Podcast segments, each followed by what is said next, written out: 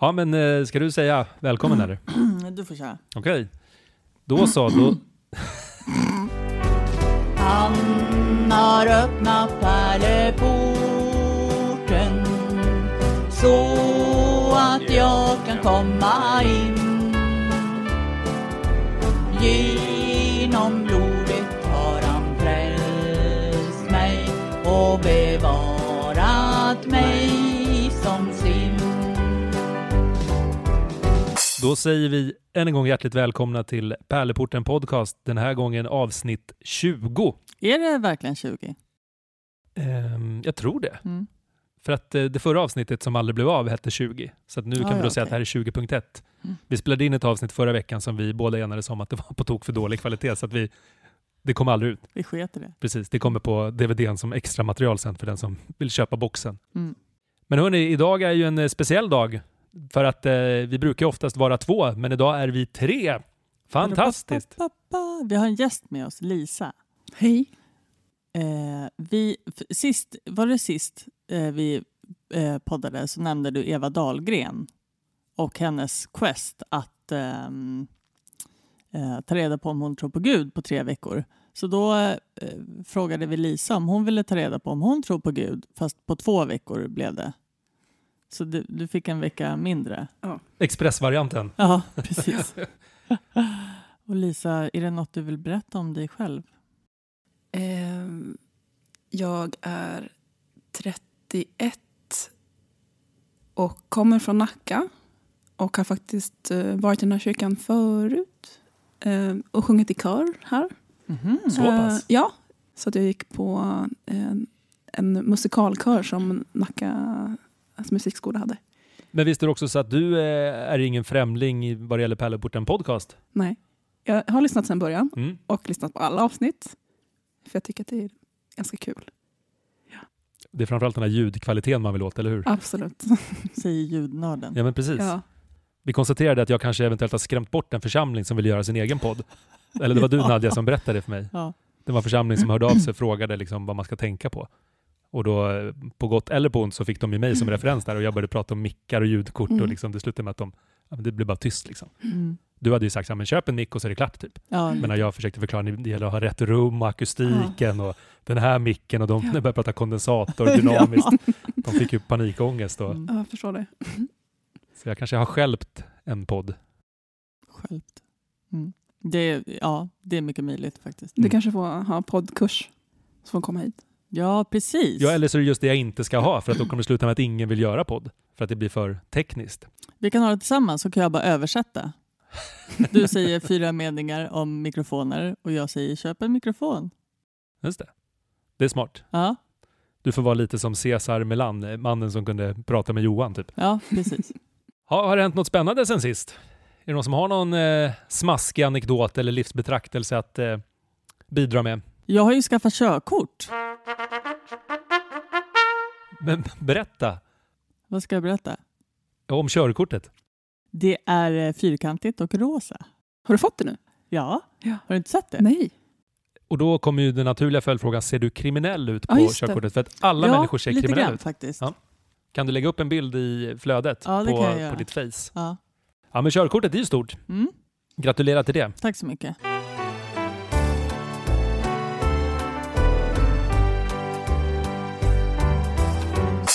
Ja, men ska vi dyka in i dagens eh, brinnande tema? Ja, Ska du börja med, med din grej eller? brinnande buske. Om du vill. Min grej, du menar Lisa? Ja, men precis. Ja.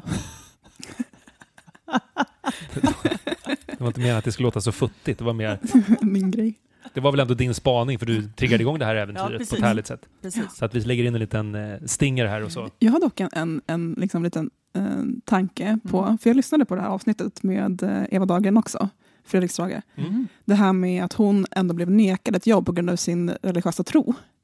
Är det ens tillåtet? Alltså? Ja, eller bristen av Eller det. bristen Mm. av det. blir det. Men då är det liksom då, går det bort ifrån vad som är lagligt? Eller liksom vad som är tillåtet? För att om hon inte tror på Gud, det gör ju inte henne till en sämre låtskrivare. Mm. Tänker jag. Nej, inte på något sätt. Nej. Nej, alltså när, när vi lägger upp eh. Rekryteringsannonser Ja. till exempel på AMS så får ju inte vi skriva att personen måste vara medlem i Svenska Ja. kyrkan eller något sånt där. Vi får, ju, vi får skriva att personen eh, må, eh, måste ha samma värderingar Ja, som oss. exakt. Men, Ja, men jag- det behöver ju inte betyda att det är delad tro. Jag tror ändå att det står så här, vi ser gärna att du är medlem i Svenska kyrkan och Mm. delar Svenska kyrkans tro och värderingar eller något i den Ja, stilen. Så det är ändå en uppmuntran. inte... Ja, Det står inte att du måste. uppmu- eh, precis. Att det liksom är så här, typ ett plus i kanten. Det är bra om du kan det. Men, men också lite rimligt i sammanhanget. Att om man ska jobba i liksom Guds tjänst på något sätt, att man också delar någon form av tro. Ja, Eller? Det är sant. Ja. Sen men är det, det tycker jag inte. alltså jag, för jag förstår det här Eva Dahlgren-konceptet, hon Ja. som är en fantastisk eh, text och låtskrivare, hon skulle Mm. kunna skriva ett rekviem som vem som helst, verkligen, oavsett tro. Men att Mm. ska du jobba med att förmedla på något sätt ett kristet budskap, så, eller som i mitt fall ungdomar, då är det ju liksom, måste ju man ändå, tänker jag, Mm. ha en tro. Annars blir det jättekonstigt. Jag tänker det beror väl lite på vad det är man jobbar med också. Sitta och göra löner så kanske man inte behöver vara speciellt kristen. Liksom. Sen kan man ju dela eh, kristendomens värderingar utan att eh, behöva tro på Gud också, tänker jag. Mm. Men, men jag håller med dig där Nadja, att alltså, Mm. beroende på vilken position Mm. man ska jobba med så förutsätter det kanske inte samma. Men det är som att om man ska vara fotbollstränare så är det bra att man vet vad fotboll Mm. är för någonting, att man Ja. kanske kan Mm. spela, annars så blir det lite konstigt. Ja. Jag vet inte om det var en bra liknelse. Men jag fattar. Ja. Men man behöver väl inte kunna löner för att sätta, eller kunna löner, kunna fotboll för att sätta fotbollslöner? Nej, det är eller kanske då kanske annat. man sätter för höga eller för låga löner i och för sig. Ja, ibland är det värre att vara insatt i någonting. Mm. För då är det som att man kanske gör det utefter vad man tycker själv. Istället för bara bedöma folk utefter vad de ju egentligen gör. Det låter lite som någonting som eh, vi har diskuterat Johan, angående en podcast och ljud. Jodå, rub it in. Men den som sätter fotbollsspelares löner är ju orimlig. Alltså så är det ju. Mm. Åtminstone herrarnas löner. När de tjänar liksom mer än Liberias statsskuld så är det liksom Var det Brasilien som hade gjort att eh, kvinnor och män hade samma lön nu? Jaha. I fotboll? fotboll. Ja, Det var något land. Mm. Eh, Jag tror det var Brasilien. Så nu får både kvinnor och män samma liknande. Fantastiskt. Wow. Men Mm. betyder det att liksom kvinnorna kom upp ett rejält snäpp eller var det att männens lön sänktes? Jag tror att kvinnorna kom högre upp. Mm. Jag hoppas det i alla fall. Mm. För att de förtjänar det mer än tvärtom. Mm. Ja, men för Ja, vissa män får ju en miljard i årslön. Mm. Liksom. Helt gott. Är okej. Vi får kolla upp det här. Ja. Checka källan efteråt. Mm. Checka källan. Checka Mm. källan. Du har ju haft två veckor på dig att eh, lista ut ifall du tror på Gud eller inte. Mm. Jag tänker vi ska suga på själva eh, sva- svarskaramellen ett tag.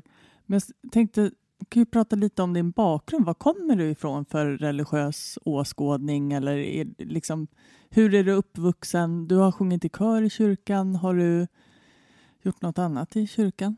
Eh, jag är ju eh, döpt i kyrkan och sen så har jag också konfirmerat mig i kyrkan och sen så har jag även varit scout i kyrkan. Så jag har varit en eh, eh, S, eh, i Björknäs kyrka. Så jag kommer från Nacka, så jag är från Björknäs. Och eh, jag vet inte hur gammal man är när man börjar i scouterna men det är ju en, en kyrka som ligger precis över gatan där jag bor, eller där jag växte upp. Där gick jag också. Men det är inte Svenska kyrkan. Det är ekumen- nu är det Ekumeniakyrkan. Då vet jag inte vad det var. Men det Nej, var men- baptist. Ja, någonting sånt. Så att vi hade ju alltid en scoutbön efter våran eh, scouting. Och sen så, eftersom att jag också eh, gillade allt det här med Lucia-tåg och sådär. Att få sjunga salmer. Mm. Det tycker jag är ganska mysigt. Så det är många eh, sånger som, som är eh, från alltså psalmboken som jag, en, några av mina favoritsånger. Så jag tror det är det som jag gillar med det. Ja. Men då kan man säga på något Ja. sätt att det ändå fanns någon form av religiös trygghet i Ja, liksom konceptet absolut. kyrkan. Men det behöver inte snar, liksom vara synonymt med att man har en tro kanske. Nej, men jag kände att det var alla människorna som var där var väldigt snälla och tog hand om mig och det var väldigt mycket kärlek och eh, så mycket så här, kramar och sånt. Och det är ju viktigt när man är sådär liten, tycker jag. Det var jättekul. Och sen så när jag blev äldre så gick jag på konfirmation och eh, var där och sen så vet jag om att också efter konfirmationen så fick man gå kvar i en sån här grupp där man eh, träffades en gång i veckan och eh, pysslade tillsammans. Så då var jag kvar där också ett tag. Och då sågs man också en gång i veckan och bara hängde typ. Fikade och pysslade. Så jag har alltid varit så här, eh, gjort saker inom kyrkan på något vis. För att kunna träffa folk och så. Ehm, så det tycker jag har varit jättebra för mig. Men när man eh, ska ta reda på ifall man tror på Gud eller inte, vad, när du fick frågan, vad var det första du tänkte på? Alltså var så här, okej, okay, steg ett är det här liksom. Jag tänkte, vi har ju tänkt på det här ganska mycket faktiskt.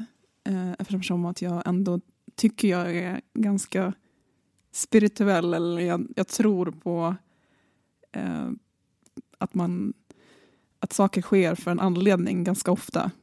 Eh, och, men på något konstigt vis är det alltid att när det går bra för en, då tror man alltid att det är någon, någon, någon högre kraft som, ja det här gick bra för att jag var snäll mot den här personen häromdagen. Eh, men om det går dåligt är det så här, ja men det är bara mitt fel, ungefär.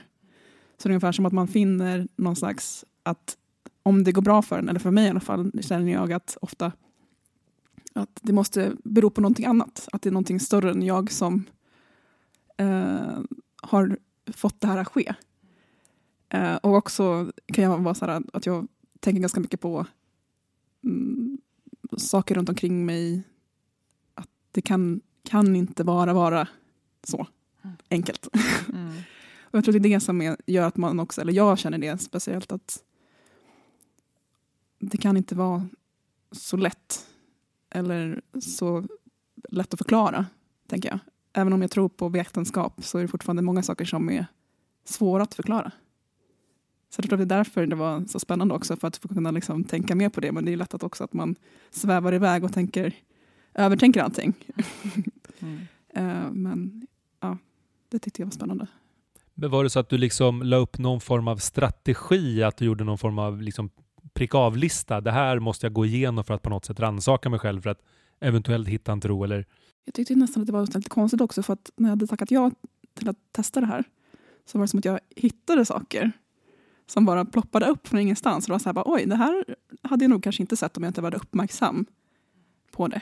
Typ vad då? Um, det var så, uh, så för vi, samma dag, så här första dagen, uh, så gick jag med min syster från affären och så gick vi förbi en busshållplats. Och då, det, det är en av bilderna faktiskt som jag har lagt upp, så var det den här post-it-lappen och jag så här, känner ändå så här, att nu när det börjar bli mörkt och höst så kanske man börjar känna sig lite deppig kanske. Att, det bör, att man, ja, det, man kanske inte mår så bra just nu. Eh, och så kom den här lappen eh, från ingenstans och jag var tvungen att gå fram för att kolla vad det stod och kände så här att det här är ju bara eh, konstigt att den här lappen hängde här just nu när jag gick förbi och jag bestämde mig för att jag skulle gå dit och kolla och kände att jag fick styrka av den. För det var ungefär som att du klarar det här. Det, alltså, du behöver inte klandra dig själv så mycket för saker som händer eller saker som du, gör, som du tror att du gör. Uh, och det kändes bra. Och då var det som att, ja, men är det tillfälligheter eller är det någonting större? Om det blir jätteflummigt här. Men ni fattar, alltså, ni fattar vad jag menar. För att, mm. um, jag tycker ofta att speciellt om man har eh, perioder när man känner sig ja, men ner eller så, så tycker jag oftast att man finner saker som peppar en. Eh, och eh, får en att tänka annorlunda. Mm. Ja. Och det, det känns ganska bra. Mm. Men jag tänker, alltså tro är ju ganska flummigt så man ja. behöver inte vara så rädd för att, inte vara, eller för att vara flummig. För det, för det tycker jag definitivt att det är. Och man kan prata hur länge som helst om mm. tecken eller ödet och allt det där. Vad man tror på. Mm. Men apropå ödet, behöver man automatiskt koppla in ödet om man liksom pratar om en gudsrelation? För att, åtminstone för mig så tänker jag att det är olika saker. Ja. För att man kan ju tro på Gud utan att tänka att allting är ändå att Gud har planerat mm. rubb och stubb. Liksom. Eller? Men jag tänker mer typ som att, att, att ödet inte riktigt, det är ju inte bestämt, tänker jag. Att det är mer så här typ att eh, du har ju flera olika val som du gör. Och sen så, och nu, nu blir det väldigt komplicerat här. Kör. Eh, men jag tänker att ödet blir vad det blir när du har gjort dina val. Ungefär. Mm. Så att det kan ju liksom, ungefär som att man, om man tror på typ så olika dimensioner så kan det ju beroende på om du väljer att gå till höger eller om du väljer att gå till vänster så bestämmer du då vad, som kom, vad du kommer liksom gå in i för dörr eller för, för ny plats. Så tänker jag. Att man lämnar sitt, sitt andra jag Mm. och sen så går man till sitt... Ja, Sliding doors. ja men verkligen. verkligen. Men om du fortsätter berätta liksom om de här veckorna, fler saker som liksom du har stött på eller som har hänt som du kan Eh, beskriva. ja, så jag fyllde år också. Under de Grattis! här, ja, tack. Eh, och oftast under... När man börjar närma sig ett, en födelsedag så kan det ju ske ganska mycket saker i ens alltså, hjärna. Eh, för att det har ett, ett år... Ja, men, nej, men för mig så är det så här att om ett år har gått till... Eh, Vad har jag gjort? vad har jag gjort? Vad har, jag- ja, men den, precis. Eh, vad har jag gjort? Vad har jag gjort? Eh, har jag återkommit något? Eh, hur kunde det gå så snabbt? Så tänker jag ganska ofta. Ja, samma Ja. Är det sant? För varje gång när Ja. ni fyller år? Ja, det är Ja. fruktansvärt. Jag fyller 35 nu och, det, och nu är det inte så här, vad har jag gjort senaste året? Nu är det så här, vad har jag gjort de senaste fem åren? Vart har jag kommit någonstans? Alltså det är fruktansvärt. Ja, och då eh, blir det som att man, Deppigt. ja, Ja. man blir så medveten om sin dödlighet på något vis. ja. Eh, men det var lite jobbigt den här hösten för att vi hade eh, två, två husdjur hemma som vi var tvungna att avliva. Och då var det också som att jag blev, det var därför det var så bra också, time, ett timing kan man väl inte säga, men ni fattar. Eh, för mig att tänka på just eh, vad som händer efter döden och sådär. Och hur man hanterar eh, att behöva ta sådana beslut och sådär. Så det var ganska, eh, men det var, det var intressant. Och, för det kommer mycket tankar. Och eh, då känns det som att jag ganska ofta tänker på om det finns en annan plats där man hamnar och så. Och vad kom Mm. du fram till då? Finns det en annan plats där man hamnar? Ehm, jag tänker att eh, kroppen är ju, är ju det som finns kvar, tänker jag. Eh, och sen så det här just med att uh, ens medvetande och det, jag vet inte riktigt, den känns ju fortfarande som att jag inte riktigt har kommit fram till vad jag egentligen tror vart den hamnar. Men att man på något vis har varit med om någon på något vis. Och det känns så här, äh, tryggt och fint. Och att man ändå på något vis kan minnas eh, det med glädje. Även fast det är jobbigt. Jag tycker det hör mycket ihop med, med tro och så. Men Lisa, om man ska försöka sammanfatta det här då, för att eh, det låter ju som att andligheten finns ju verkligen där. Ja, absolut. Men, men eh, om man då ställer den här 10 000 kronors frågan efter dessa två veckor, Mm, vad, liksom, ja. vad, vad lutar åt? Det som det lutar åt är ju att jag tror på någonting. Eh, men att jag kanske väljer att, kalla det någonting annat eller ingenting. Så det är det jag har kommit fram till. Att jag ser inte på det som en, en, en, en gud. Mer bara som en, en, en kraft. Typ inom mig också. Ganska mycket. Ja. Men är det då att du väljer att inte kalla det Gud för att det känns som att med att definiera det som Gud Ja. så kommer det ett så stort bagage så att säga? Att det är lite läskigt nästan, för då, då tänker man att då blir man en sån så att säga. Men mer bara för att jag tänker att, alltså, men att eh, just ordet, alltså Gud och så här, hur, eh, hur den, vad jag känner när jag hör det. Det, det känner jag mig in, inte att jag, eh, ja, att det passar in i det jag känner. Mm.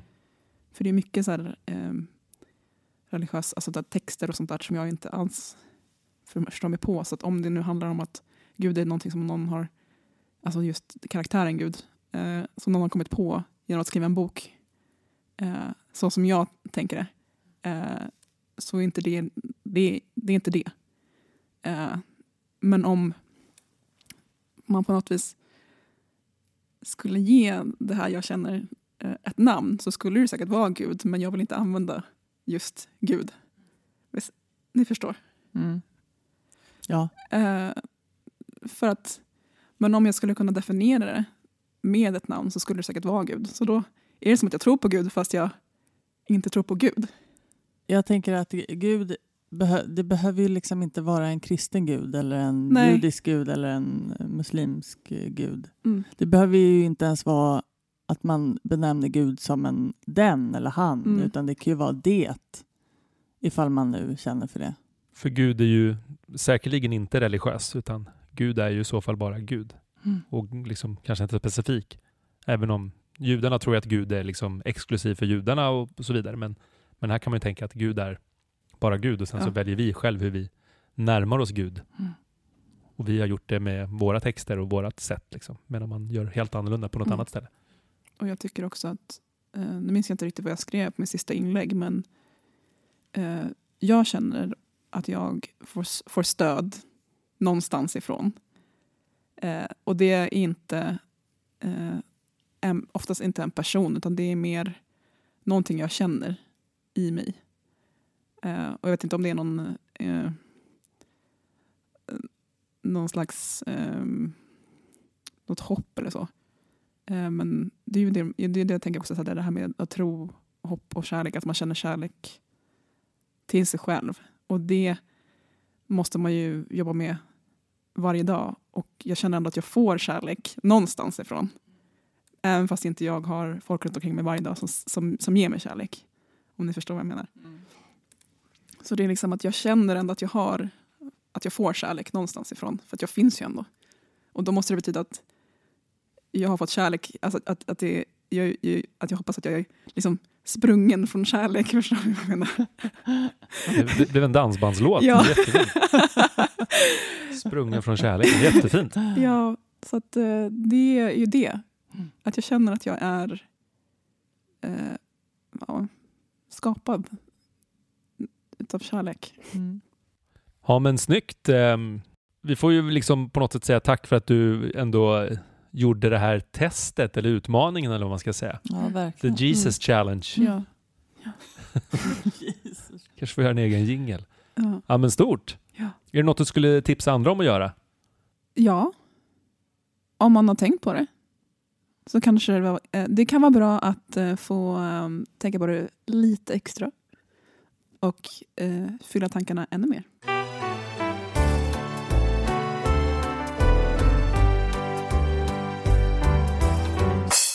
För kanske någon månad sedan så läste jag en debattartikel i DN. Eh, och då var det några författare som eh, pratar om en ny eh, framtagen rapport som handlar om att svenska elever, kristna utövare, eller vad ska man säga, troende kristna ungdomar blir liksom kränkta på grund av sin tro. Och man hör ju ganska ofta om liksom andliga religiösa människor som blir liksom, eh, ja, men kanske utsatta på något sätt. Men det är sällan man hör just om de kristna. För att man är så himla van på ett hemskt sätt att det är liksom att judar eller muslimer på något sätt får höra det här. För att det är liksom, så är det typ varje dag. Men det här var då en rapport som någon form av eh, kristen tankesmedja, eller ett kristet, kristet forskningsinstitut som heter Clapham-institutet. Känner ni till det? Nej. Inte jag heller. Men det är tydligen, de definierar sig själva i varje fall som Sveriges typ största kristna tankesmedja. Och det är i Sverige. Och kallar sig Eh. för Clapham. Ja. Mm. Eller det kanske är deras svenska filial. Mm. Men oavsett så, och där vill man ju börja. Vi pratade lite om det innan vi började spela in, det här med tankesmedja. Vad är en tankesmedja? Ska vi killgissa? Japp. Sätt igång. Till att börja med så är det ett ganska vulgärt ord, är det inte det? Visst är det det? Smedja. Det känns eh, inte helt okej. Nej. Men Det känns som att det ska, någonting ska bankas där. Mm. Kanske tas fram som råmaterial och sen bli en produkt. Mhm. I någon form av orchmiljö. Mm. Mm. Eh, hur som helst, det här eh, institutet eh, baserar sin, eh, eller sin tes då på att har gjort intervjuer med 20 unga kristna från olika grenar på kyrkoträdet. Exakt vad det är för grenar, det framgår inte riktigt i den här artikeln. Va, men vänta, vad är ett kyrkoträd? Alltså är de kanske katoliker, ortodoxa, protestanter, Jehovas, eh, alltså olika kristna instanser. Så tolkar jag det. Mm. Eller? Men det är också en killgissning menar du? Eh, ja, fast olika kristna grenar från olika grenar. Ja. Det borde ju vara det, olika frikyrkor eller olika kyrkor. Vi, vi kan inte fastna här tror jag. Nej, okej. Ehm, de menar då att det, att det finns en kränkande sekulär intolerans i skolan. Sekulär alltså av kristen, så att säga. Det är ett svårt ord. Eh, och de menar då att det här är helt oacceptabelt och att det här behöver förändras. Och de på något sätt uppmanar regeringen att ni måste göra mer för att det här är ett orimligt beteende så, som sker. Eh, och man, såklart är man ju nyfiken lite på eh, vilka de här 20 är och liksom hur pass troende kanske man inte kan fråga, men liksom från vilka sammanhang kommer de? Är de liksom nyvunna eventuell tro eller har de liksom alltid varit troende? Eh, men eh, och då säger de så här att eh, de sammanfattar det på några punkter. Att eh, elever som är öppna med sin tro upplever sig ofta utsatta av både elever och lärare. Eh, kränkningar eh, på olika sätt. eh, och att det har liksom blivit normaliserat för att sekulära är liksom normen. Och eh, de tycker också att skolan har en mycket stark, ofta outtalat just sekulär norm. Eh, men där reagerade jag för att det står ju faktiskt i läroplanen och nu läser jag ordagrant att undervisningen ska vara icke-konfessionell. Alltså det ska inte vara några religiösa inslag där man försöker liksom förkunna en tro till exempel. Och skolans uppgift är, det här tyckte jag var väldigt vackert, skolans uppgift är att låta varje elev finna sin unika egen art och därigenom kunna delta i samhällslivet genom att ge sitt bästa i ansvarig frihet. Var inte det ganska fint? Mm. Väldigt fint. Och tänkvärt och lite flummigt. Mm. Men de menar då att problemet är som sagt att det finns en, eh, en kränkning på grund av att man är då kristen i, ja, i Sverige. Och det är också märkligt för att eh, tittar man på, vi är fortfarande liksom en majoritet i Sverige som fortfarande är medlemmar i Svenska kyrkan. Så att eh, det är också märkligt att vi är ingen minoritet på något sätt, utan vi är ju verkligen en majoritet. Vi, som menar jag vi kristna, åtminstone då. Du och jag Nadja. Mm. Ja. Men då undrar jag, för hur blir man kränkt eh, om man inte...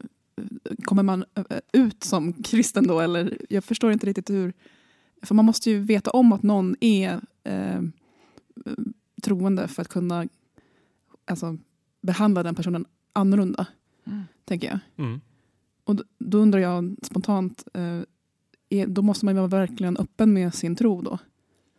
Ja, precis. Det finns, de har ett specifikt exempel här och då står det så här, som en 18-årig elev uttrycker det. Normen bygger på att det är helt okej att driva med och underminera religion och att det inte är riktigt ett problem med elever som kränker troende. Det finns en djupt sittande respektlös attityd gentemot religionen som genomsyrar gemenskapen på ett giftigt sätt och som på riktigt skadar troende ungdomars självkänsla, självförtroende och andliga utveckling på ett ödesdigert sätt. Snygg formulering från 18-åring. Eh, Så att det handlar väl kanske också om en generell attityd, att Mm. lärare liksom tycker att, att vara troende är lite, lite keft, lite konstigt. Eh, Och jag gjorde en helt eh, absolut icke-vetenskaplig undersökning där jag pratade med tre kollegor som, för att fråga om de har varit med om det här.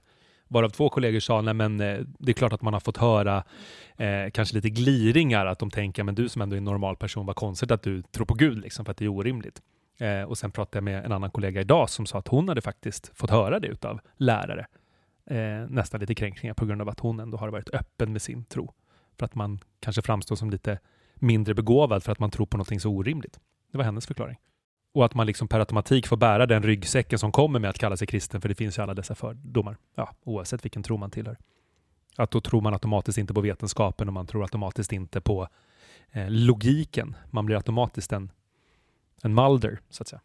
Men då tänker jag också att det är ju så här igno- ignorans med tanke på att man, man frågar ju inte heller den personen vad den tänker angående sin tro. Utan det är bara en, en, en fördom då. Och det får Ja. man ju, inte- så får man ju inte bete sig. Alls. Mm. Nej, precis. Ja, nej, men så är det nog verkligen. Ja. Men sen kan man ju också lite sådär, för att eh, humanisterna eh, har ju skrivit en replik till det här, där de menar att nej, men det finns ju liksom en kränkning överhuvudtaget och även som sekulär kan man få höra kränkningar och lite kan jag också tänka så här, ja, men boohoo, det här är det liksom religiösa världen över får utstå varje dag, vi liksom vita kristna, att vi, vi får väl stå ut med lite skit vi också liksom. Mm. Eh, kanske lite hemskt att tänka så, men, det, men vi är ju inte de som är drabbade i liksom rasismen och i liksom den andliga förföljelsen på något sätt. Eh, och sen så skriver de sen ändå en slutreplik, de här då som från det här Clapham-institutet, att jo men så här är det, regeringen borde göra mer. Humanisterna kan inte bara skoja bort det här. Eh, För att humanisterna tyckte också att det här eh, underlaget för forskningen var lite för tunt för att det var bara 20 elever. Det är ju lite tunt. Det är lite tunt. Men sen så refererade också humanisterna till en egen Facebook-undersökning som de hade gjort. Ja, det tyckte jag var kul. De hade frågat eh, på sin Facebook-sida om någon har blivit liksom utsatt för kränkningar på grund, av, på grund av sin sekulära övertygelse. Och det är ju roligt att man har en sekulär övertygelse. Och då hävdade de att en av sex tillfrågade, som var 501 stycken, bekräftade att de hade blivit kränkta på grund av sin sekulära övertygelse. Och där kan man också tänka sig urvalet där humanisterna frågar på sin egen hemsida. Mm. Eh, så. Vil- vilken del av Sverige är det här? Står Eh, det? Nej, det framgår inte. Någonstans i Sverige. Men precis, han var min soldat. Och, och blir det på något sätt i slutet en regeringsfråga som med allt annat? Alltså, någonstans kan jag ju tycka att jag hoppas det. Eh, för då kanske det inte bara händer någonting just för kristna människor utan för alla sorters religiösa människor. Jag har ju också läst de här, i alla fall de två. Det där sista svaret kändes ju lite halvtorrt, så att säga. Eh, men eh, det humanisterna pratar också om är ju det här att för det finns väl också en, en debatt någonstans i grunden om religiösa friskolor. Och där kan jag ju verkligen hålla med humanisterna att det kanske inte riktigt är rätt väg att gå. För det är då vi får den här separatistiska... Nej, vad heter det? Polariserade eller Ja, jag vet inte. Ehm, nej, men den här... eh, När man inte lär känna varandra. För två Alltså, olika grupper. ja, precis. Alltså att det, det, det, det är ju... Att man inte lär sig att vara med varandra. Ja, exakt. Exkluderande. Mm. Ja. Tack. Mm. Då blir det ju exklu en, en exkluderande miljö. Liksom. Mm. Och man behöver ju, jag tror att det är det som är ett så stort problem idag. Att folk eh, inte vågar prata med varandra. Kristna vågar inte prata med muslimer. Eh, rasister har liksom aldrig ens träffat en svart kvinna i hela sitt liv liksom, och bara hatar ett, mer än halva jordens befolkning. liksom. Det är så jävla konstigt. Mm. Så att det jag tror mer på att föra ihop folk. Och det, det säger faktiskt humanisterna väldigt rart. Sådär. De Mm. avslutar sin eh, liksom, replik med att skriva att vi måste alla gemensamt tackla problemet med att det finns elever som kränks och diskrimineras utifrån sin övertygelse och identitet. Allt vi har är varandra. Mm. Det var väl ändå rart? Mysigt. Ja. Mm. Så att, eh, lite som du säger Nadja, Mm. att vi, vi måste förstå att vi, vi hänger ihop. Mm. Vi har ju ändå bara varandra.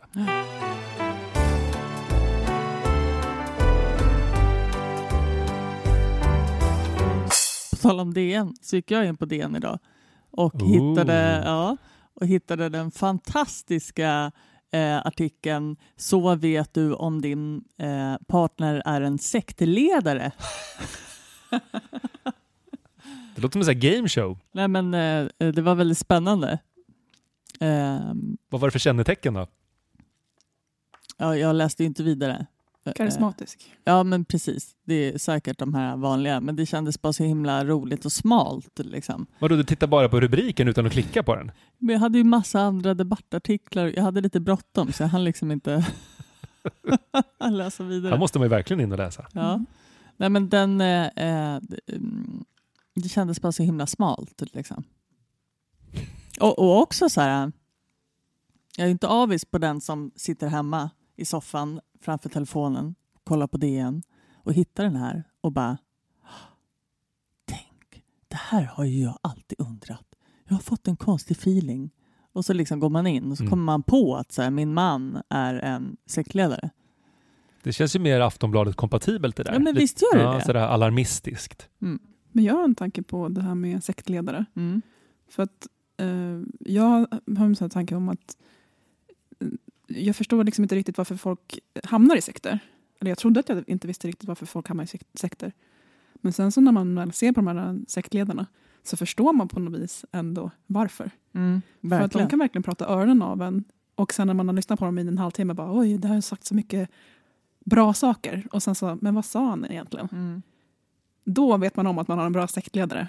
För då ska man känna sig hänförd och sen inte riktigt veta vad det är man har lyssnat på. Ja, och just Ja. att det känns som att man blir ju eh, så sedd på något sätt. Mm. Och få så mycket kärlek på Mm. något sätt. Förstår Nå- ni vad jag mm. menar? Och någon, som, ja, och någon som använder ens namn ofta. Mm. Det kan man ju bli väldigt hänförd av. Mm. Då blir man ju sedd. Mm, precis. Det, det ska ni tänka på. Om ni använder folks namn mycket så kommer de älska er. Mm. Eller tycka att ni är kon- lite konstiga. Det är bara jobbigt de gångerna man säger fel namn. Mm. Speciellt om man ska döpa någon. Ja, precis. Mm. Lätt hänt. Och ingen vågar säga någonting för att nu pratar prästen. Ja, precis. Det finns ett sånt väldigt roligt eh, typ America's Funniest Videos-klipp fast från Ryssland. Russia's Funniest Clip kanske det heter då. Mm. Där det står en präst och så frågar han då eh, mor och far vad ska barnet heta står där. Och de säger så här, ja, Wolfram. Och han typ så här, Iris. och bara stänka vatten. De tittar så här oroligt så här, men vänta nu. Det finns ju ingen som helst likhet här. Betyder det då att eh, eh, Gud har noterat Iris? Och kommer alltid vara Iris i, Guds, eh, ja, i kyrkan? Ja. Så kommer Wolfram Ja. sen och bara, ursäkta jag ska in här. Ja, nej, bara, du nej. heter Ja, Iris. precis. Vem är du? Ja. Nej, jag har bara en iris här. Det står Wolfram på ditt lägg. Jättekul.